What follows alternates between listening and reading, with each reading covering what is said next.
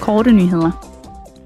I weekenden blev Europaparlamentet og EU's regeringer enige om at reformere EU's emissionshandelssystem for yderligere at reducere industrielle emissioner og skabe muligheder for flere investeringer i klimavenlige teknologier.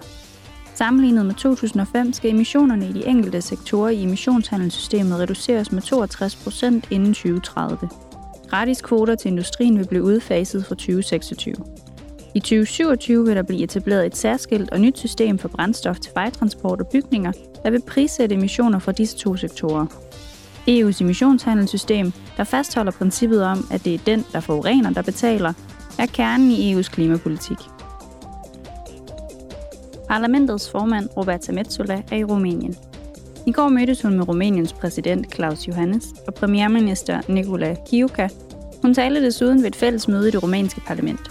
I dag deltager Metsola ved et borgermøde med rumænske unge på universitetet i Bukarest.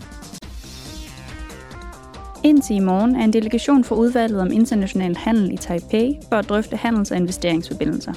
Delegationen vil mødes med repræsentanter for den taiwanske regering, den lovgivende yuan, der er Taiwans etkammersystem, civilsamfundet såvel som for den private sektor.